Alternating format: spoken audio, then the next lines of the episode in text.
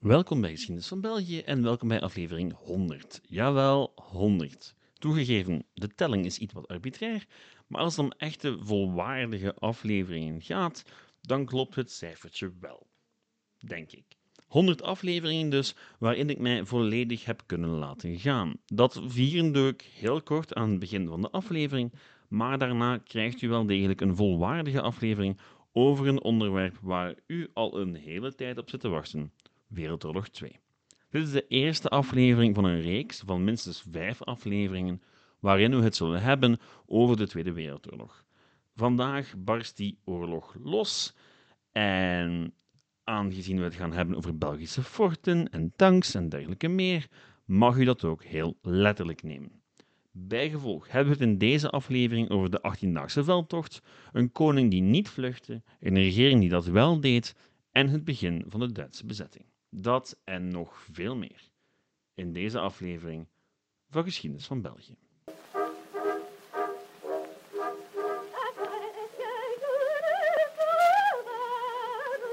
Honderd. Wat een prachtig cijfer. Een cijfer met erachter nog een heleboel andere cijfers.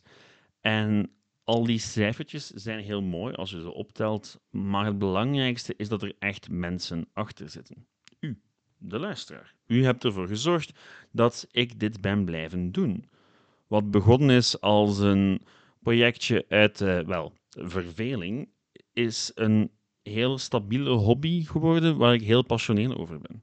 Quarantaine, examens, huwelijksvoorbereidingen, overlijdens in de familie. Als het aan mij had gelegen, was ik nooit gestopt met afleveringen maken. En had ik u ook nooit maar een week zonder afleveringen laten zitten. De bedankingen, de suggesties, de eigen verhalen, het was allemaal meer dan genoeg om me te blijven motiveren. Bedankt dus daarvoor. En ook bedankt aan mijn vrouw, die me toch af en toe tot rust dwong. Want eerlijk, anders had ik dit nooit kunnen volhouden. Ze luistert naar al mijn domme ideeën en maakt het ontstaan van een aflevering vaak van heel dichtbij mee. Al is het maar omdat ik niet kan zwijgen over het zoveelste boeiende feitje over kuifje, wafels of de geschiedenis van de Belgische voetbalcompetitie. Dus um, dank u, schat. Dank u om mij aan te moedigen om dit te proberen, ook al leek het op korte termijn helemaal niks te gaan opleveren. Heel erg bedankt.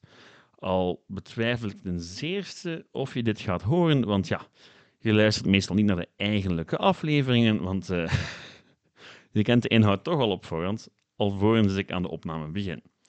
Nu, om dit veel te emotionele stukje af te sluiten, nog het volgende. Ik heb geen enkel idee waar dit eindigen zal. Of er in september een einde komt aan deze versie, of er een tijdelijke pauze komt, of ik gewoon doorgaan tot het einde der tijden. Ik weet het eigenlijk nog niet en dat zien we dus nog wel. Ik zal me alleszins blijven inzetten om alle vormen van geschiedenis bij zoveel mogelijk mensen te krijgen.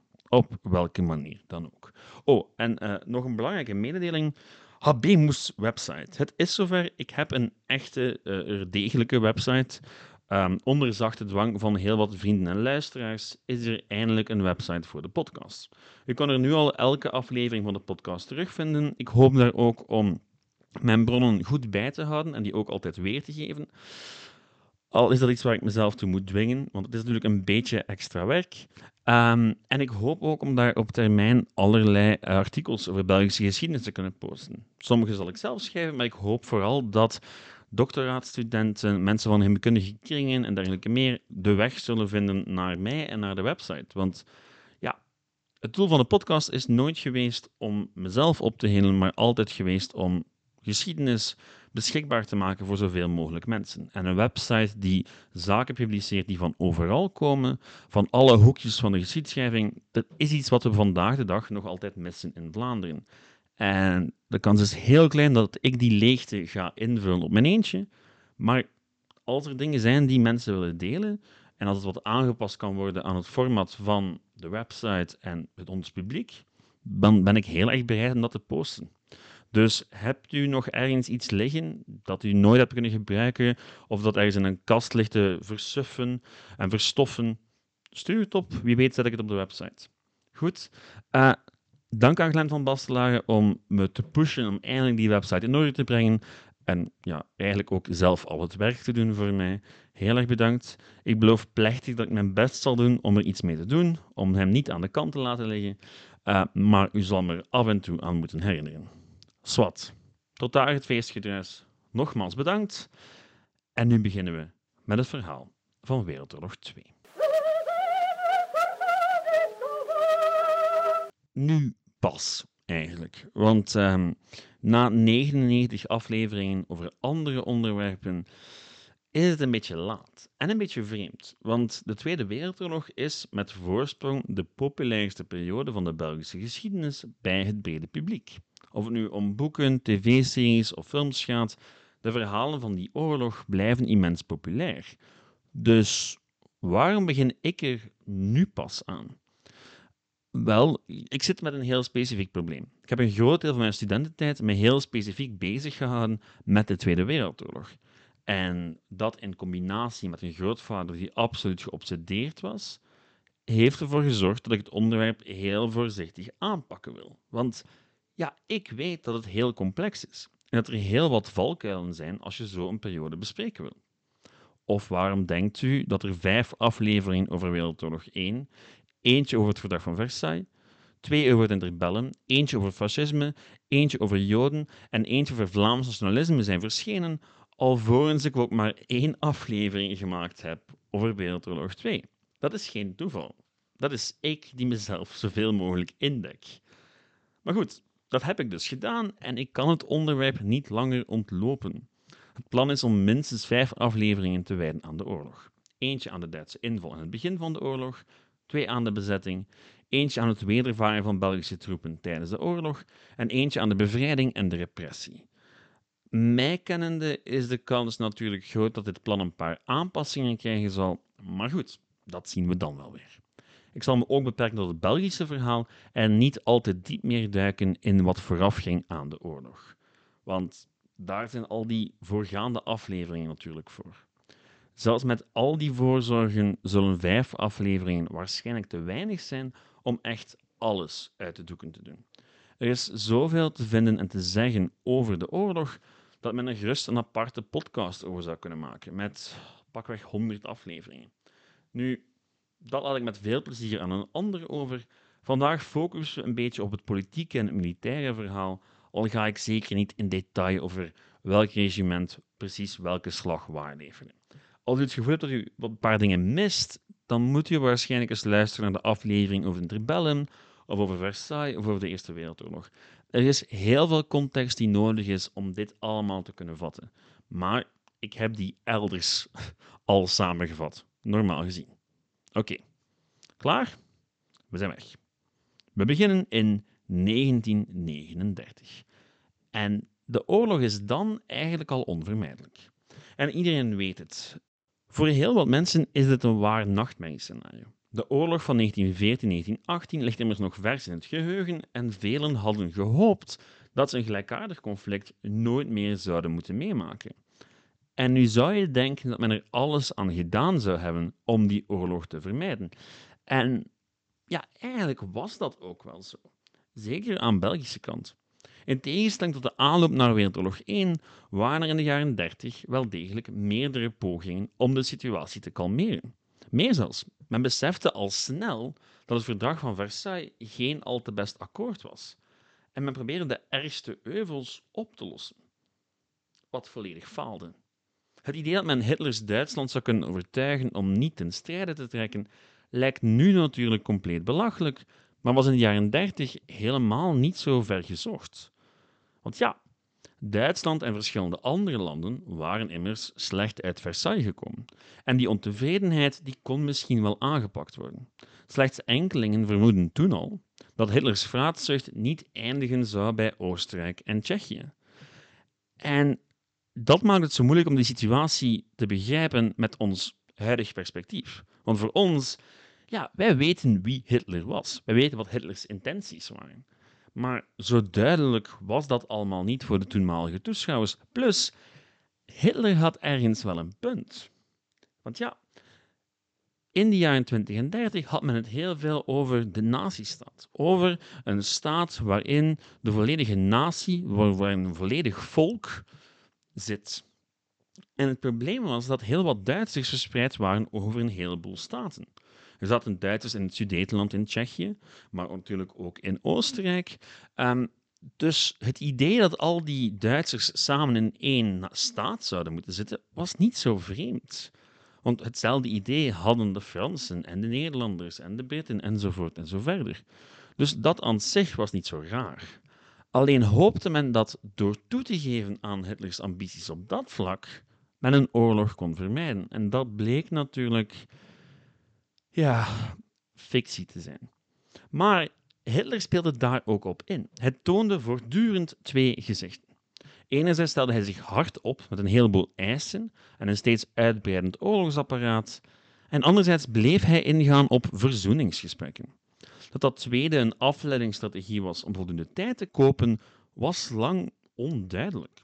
Slechts enkelingen hadden dat al heel vroeg door. Enkelingen zoals bijvoorbeeld een Churchill. De angst voor een nieuwe oorlog was zo groot dat men Hitler lang zijn zin deed doen. Zelfs toen deze steeds meer clausules van het verdrag van Versailles aan zijn laars begon te lappen, liet men hem eigenlijk zijn gang gaan. Werkelijk niemand in West-Europa zat te wachten op oorlog. Behalve Hitler zelf dan natuurlijk. Ah, en de communisten. Maar daar kom ik later in een andere aflevering nog wel op terug. De communisten, die waren wel heel duidelijk in hun haat voor Nazi-Duitsland. En zij stuurden wel aan op oorlog. Wat natuurlijk ook veel te maken had met de Sovjet-Unie, maar dat is een verhaal voor een andere keer. In elk geval werd er uiteindelijk een ultieme poging gedaan om Hitler af te kopen. Die kwam er in 1938 met het Verdrag van München. Met dat verdrag werden Hitlers belangrijkste eisen ingewilligd. De Duitse regio van Tsjechoslowakije werd geannexeerd en zo hoopten de Britse premier en de Franse premier, Chamberlain en Daladier, om peace in our time verzekerd te hebben. Ja, achteraf gezien was dat dus niet het geval. In maart 1939 werd Tsjechië volledig bezet door Duitsland en enkele maanden later al viel datzelfde Duitsland na een deal met de Sovjet-Unie Polen binnen. Op 1 september verklaarde Duitsland Polen de oorlog en deze keer konden Europese grootmachten als Groot-Brittannië en Frankrijk niets anders dan toegeven dat Hitler niet af te stoppen was met vreedzame middelen. 3 september is voor beiden de officiële startdatum van de Tweede Wereldoorlog. Al zou het nog duren tot 1940, tot het echt tot een gewapend treffen kwam. Oké, tot daar het grote plaatsje, maar wat met België? Want Groot-Brittannië, Frankrijk en anderen gingen dat wel aan de onderhandelingstafel zitten met Hitler. Wat deed de Belgische regering eigenlijk tijdens deze periode? Wel, ze wist maar al te goed wat haar lot zou zijn mocht er opnieuw oorlog uitbreken. De kans dat België ongehavend uit een Tweede Wereldoorlog zou komen leek klein, en dus probeerde men zich al snel na Wereldoorlog 1 te wapenen tegen zo'n voorval. Dat probeerde men op drie verschillende manieren: diplomatiek, infrastructuur en het uitbouwen van het leger. Op diplomatiek vlak werd er een tijdje geëxperimenteerd met iets nieuws: militair-politieke allianties. Klinkt raar, maar voor België als land was dat echt wel nieuw. Want ja, België had bij zijn oprichting in 1830 een verplichte neutraliteit opgelegd gekregen. Een neutraliteit die volledig genegeerd werd door het Duitse keizerrijk tijdens de Eerste Wereldoorlog. Dus ja, heel veel vertrouwen in die neutraliteit was er natuurlijk niet meer. Dus dacht men aan een klassieke militaire alliantie.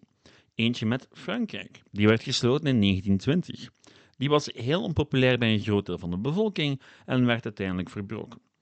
Enerzijds omwille van interne politieke redenen, maar anderzijds vanwege de hoop dat als men gewoon neutraal was, de grootmachten het land deze keer wel ongemoeid zouden laten. Zoals Nederland in de Eerste Wereldoorlog bijvoorbeeld, dat vooral veel moeite had met Belgische vluchtelingen en het behouden van zijn neutraliteit, maar nooit zelf in de oorlog belandde. Feit is dat België in de jaren 30 maar al te goed besefte dat het zelf maar weinig aan zijn lot veranderen kon. Het echte spel werd immers gespeeld door de grootmachten en het lot van België hing daarvan af. Al probeerde men zich wel voor te bereiden. En dat deed men in de eerste plaats door te bouwen. De les van 1914 was onder meer geweest dat het voor het Duitse leger te makkelijk was om dwars door België te trekken. De forten die hen hadden moeten tegengehouden, en dan specifiek de gordel rond Luik en Namen, wel, die waren niet bestand gebleken tegen het Duitse geschut. Ja, de gordel rond Luik had de Duitsers enkele dagen opgehouden, maar dat was eigenlijk enkel en alleen omdat men het zware geschut niet bij had op dat moment. Eens de dikke en consorten aan de slag gingen, was het snel gedaan met de Luikse fortengordel. Om een dergelijk debakkelen te vermijden, liet men opnieuw een gigantisch fort bouwen. Het sluitstuk van de Belgische verdedigingslinie. Daarnaast werden ook de forten van Luik en Namen gemoderniseerd, maar de bouw van het fort van Eben eenmaal in 1932 moest ervoor zorgen dat Duitse troepen niet langer tussen het Albertkanaal en de Maas door konden navigeren. Met dat fort, zo hoopte men, zou elke Duitse invasie op zijn minst een tijdje kunnen opgehouden worden. En toegegeven, de cijfers zijn ook indrukwekkend. 17 bunkers, een antitankgracht, 6 meter hoge betonnen muren, mijnenvelden, een gangenstelsel van 6 kilometer onder de grond, geschutskoepels enzovoort. Tijdens de bouw een absoluut hoogtepunt van Belgisch militair vernuft, maar eh, tijdens de oorlog, ja, wel, dat is voor straks. Een derde voorbereiding voor het komende krijgsgeweld was het moderniseren van het leger en het mobiliseren. En dat laatste gebeurde al in augustus 1939, toen duidelijk werd dat Duitsland Polen zou binnenvallen. Belgische mannen werden naar de kazernes geroepen en vervolgens naar de grens gestuurd, waar ze ja, lang bleven en eigenlijk niks te doen hadden. Want, zoals u al weet, de oorlog bleef uit. Een deel van de mensen aan de grens kregen dispensatie, maar feit is dat België maandenlang op staat van oorlog stond zonder dat die oorlog uitbarstte.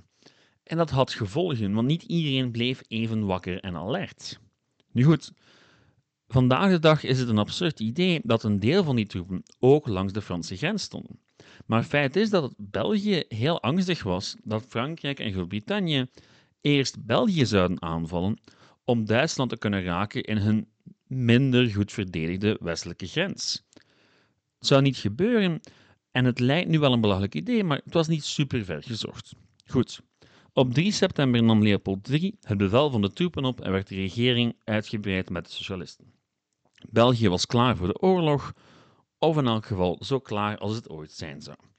En toen gebeurde er helemaal niks.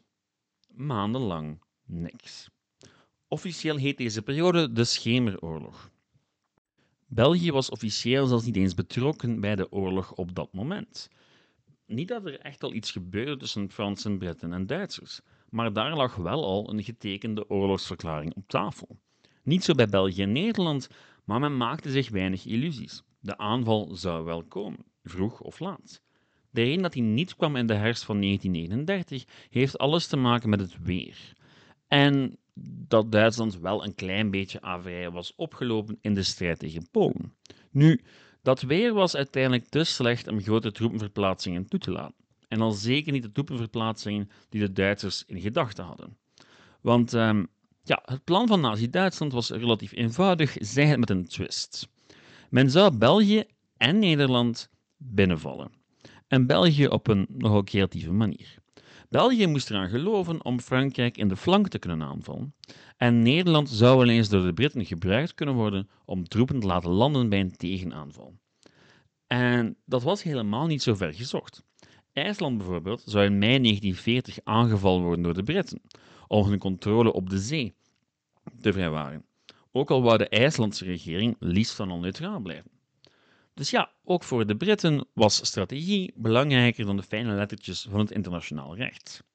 Terwijl men de lente afwachtte, werden er verschillende pogingen ondernomen om ofwel een voordeeltje te halen voor het eigenlijke vechten aan het westelijk front begon, of om het vechten gewoon te vermijden. Leopold III van België en Wilhelmina van Nederland bijvoorbeeld probeerden de strijdende partijen aan de onderhandelingstafel te krijgen, in de hoop zo een invasie van hun eigen grondgebied te vermijden. Ja, goed, goede poging, maar er kwam nooit een reactie op. Niet dat dat echt nodig was, want alle tekenen duiden erop dat de invasie eraan kwam. Het is achteraf gezien nogal hallucinant hoe duidelijk het wel was. Zo viel er op 10 januari een Duits oorlogsvliegtuig uit de lucht bij Maasmechelen.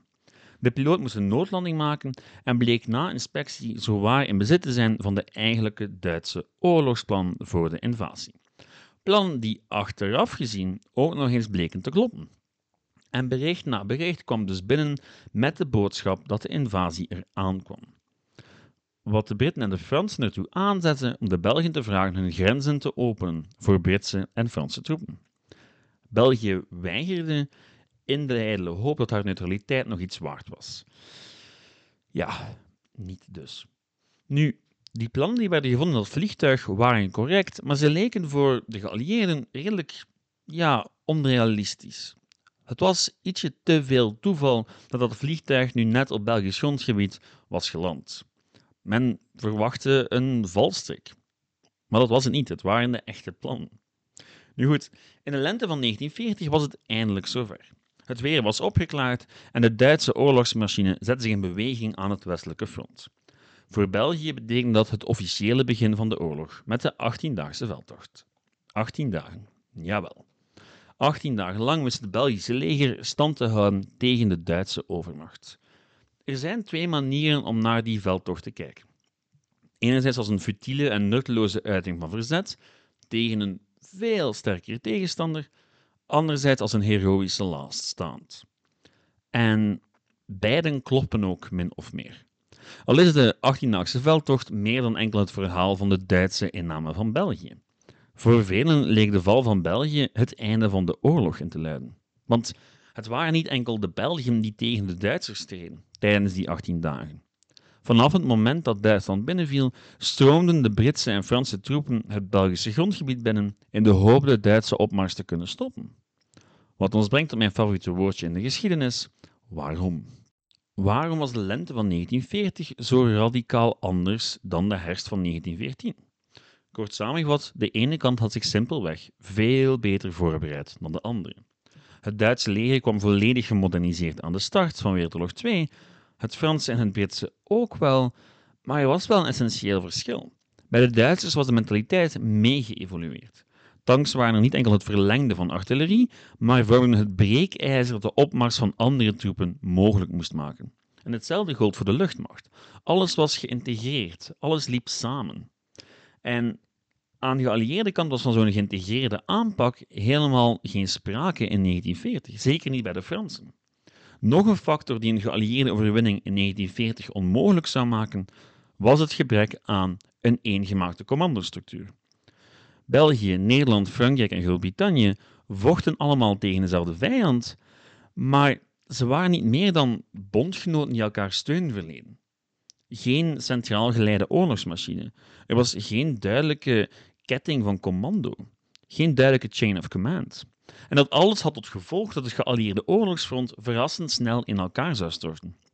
Op 10 mei werd de aanval ingezet, een afleidingsaanval op Nederland om mee te beginnen. Het doel was om de geallieerde troepen België binnen te lokken, wat lukte.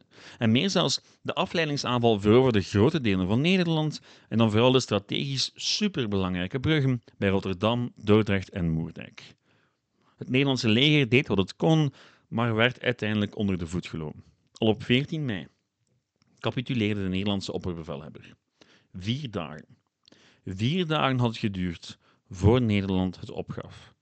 De koningin en de Nederlandse regering hadden toen al de benen genomen, wat geen klein detail is, maar daarover straks meer. Goed, terug naar België, waar de Duitsers een aanvalsmacht hadden geconcentreerd. In theorie had de Duitse aanval geen enkele kans van slagen. In theorie. Want ja, het Duitse Zesde leger bestond uit 17 divisies. Veel meer dan de vier die Nederland waren binnengevallen, maar die vonden tegenover zich een collectie van 40 divisies van Belgische, Franse en Britse troepen. Maar die troepen waren op 10 en 11 mei nog niet allemaal waar ze zijn moesten. Het Belgische leger moest de Duitsers zo lang mogelijk terughouden aan de oostgrens om ervoor te zorgen dat de geallieerde troepen hun posities zouden kunnen innemen. Op zich geen probleem, dacht men, want ja, dat fantastische Fort Eben eenmaal lag vlak in de weg van de Duitse opmars. Om België echt te kunnen binnenvallen, moest men langs dat fort passeren. En dat fort zou stand houden. Daar zou het Belgische leger stand houden, dacht men. Het duurde uh, een dag, 10 mei. Op 11 mei was het fort al compleet nutteloos. En dat ging als volgt. De architecten van het fort hadden op zijn zachtst gezegd een foutje gemaakt. Men had aan schijnbaar alles gedacht tijdens de bouw ervan. Versterkt beton, onderaardse gangen, antitankgrachten. Maar men was één component van een moderne oorlogsvoering uit het oog verloren. De lucht. Het trauma van 1914, toen Belgische forten met enkele schoten van Dikke Bertha uit hun voegen werden geschoten, had ervoor gezorgd dat men vooral met die dreiging in het achterhoofd aan de slag was gegaan. En dus alles ondergronds had gestopt. In de nacht van 10 op 11 mei landden Duitse troepen met zweefvliegtuigen bovenop het fort. En binnen een kwartiertje hadden ze de geschutskoepels opgeblazen. En dat was het. Eenmaal was compleet nutteloos. En 36 uur later zou het garnizoen zich overgeven toen het Duitse invasieleger lustig België binnenstroomde. Moest dit een film zijn, of een tv-serie, ja, dan zou het heel aantrekkelijk zijn om dit moment af te schilderen als het beslissende moment in de 18-daagse veldtocht. Meer zelfs het beslissende moment van de eerste fase van de Tweede Wereldoorlog. Maar dat was het eigenlijk niet. Het feit is dat de Duitsers niet eens gerekend hadden op de val van Eben eenmaal. Want ze hadden al een alternatief, namelijk dwars door de Ardennen. De Ardennen die zowel door Fransen als Belgen als ondoordringbaar werden geacht voor een modern leger. Dat was dus ja, echt een gat in de verdediging van de geallieerden. En sneller dan wie ook had kunnen voorspellen, werden de geallieerden compleet uit elkaar gespeeld. Men dook het gat binnen en op 14 mei viel Sedan. En plots zaten de Fransen met een gigantisch probleem, want op hun flank verscheen een Duits leger. De flank waar ze ja, gewoon niet dachten dat ze daar iets moesten voorzien. Dus goed, daarbovenop liepen de troepen in België plots het risico om ingesloten te raken. Want je had de Duitse en troepen in Nederland die van boven naar beneden duwden, de troepen die nu langs even eenmaal langs het oosten binnenkwamen, en de troepen die doorgebroken waren aan Sedan. En de combinatie van dat alles zorgde ervoor dat ja, en België zo vlug mogelijk moest evacueren. En in die evacuatie bleken de Duitsers ook heel goed in het opjagen van hun vijand. Dus je zou kunnen zeggen dat met het verlies van België die eerste fase van de Tweede Wereldoorlog eigenlijk al voorbij was. Het zou ook niet bijster lang duren voor Frankrijk officieel zou capituleren. Het Belgische leger vocht nog wel een tijdje door en dekte de Britse aftocht richting Duinkerke alvorens zich neer te leggen bij het onvermijdelijke: de nederlaag. Op 28 mei capituleerde Leopold III in naam van het Belgische leger. Lijkt logisch, omdat hij ook aan het hoofd stond van dat leger, maar um, herinnert u zich de Nederlandse overgave? Daar was het niet het staatshoofd, maar een generaal die de overgave tekende. De Nederlandse regering had immers besloten om de strijd verder te zetten vanuit Londen en zich aan de zijde van de geallieerden te scharen. Net als de Belgische regering trouwens, al had die niet de steun van haar koning. Want de koning heeft op eigen houtje gecapituleerd. Heeft op eigen houtje besloten om A. in het land te blijven en 2. zich gevangen te laten nemen door de Duitsers. Wat helemaal niet was wat zijn regering wou. Zijn regering wou dat hij meeging naar Londen, zodat hij van daaruit de Belgische oorlogvoering kon leiden, want die zou doorgaan. België zou in de een of andere vorm blijven meevechten in Wereldoorlog 2. Het stopte niet op die 28 mei. Nu goed, de beslissing van Leopold III zou immense gevolgen hebben. Tijdens de oorlog, maar zeker ook na de oorlog. Op 28 mei eindigde dan wel het wapengeweld voor het merendeel van de bevolking.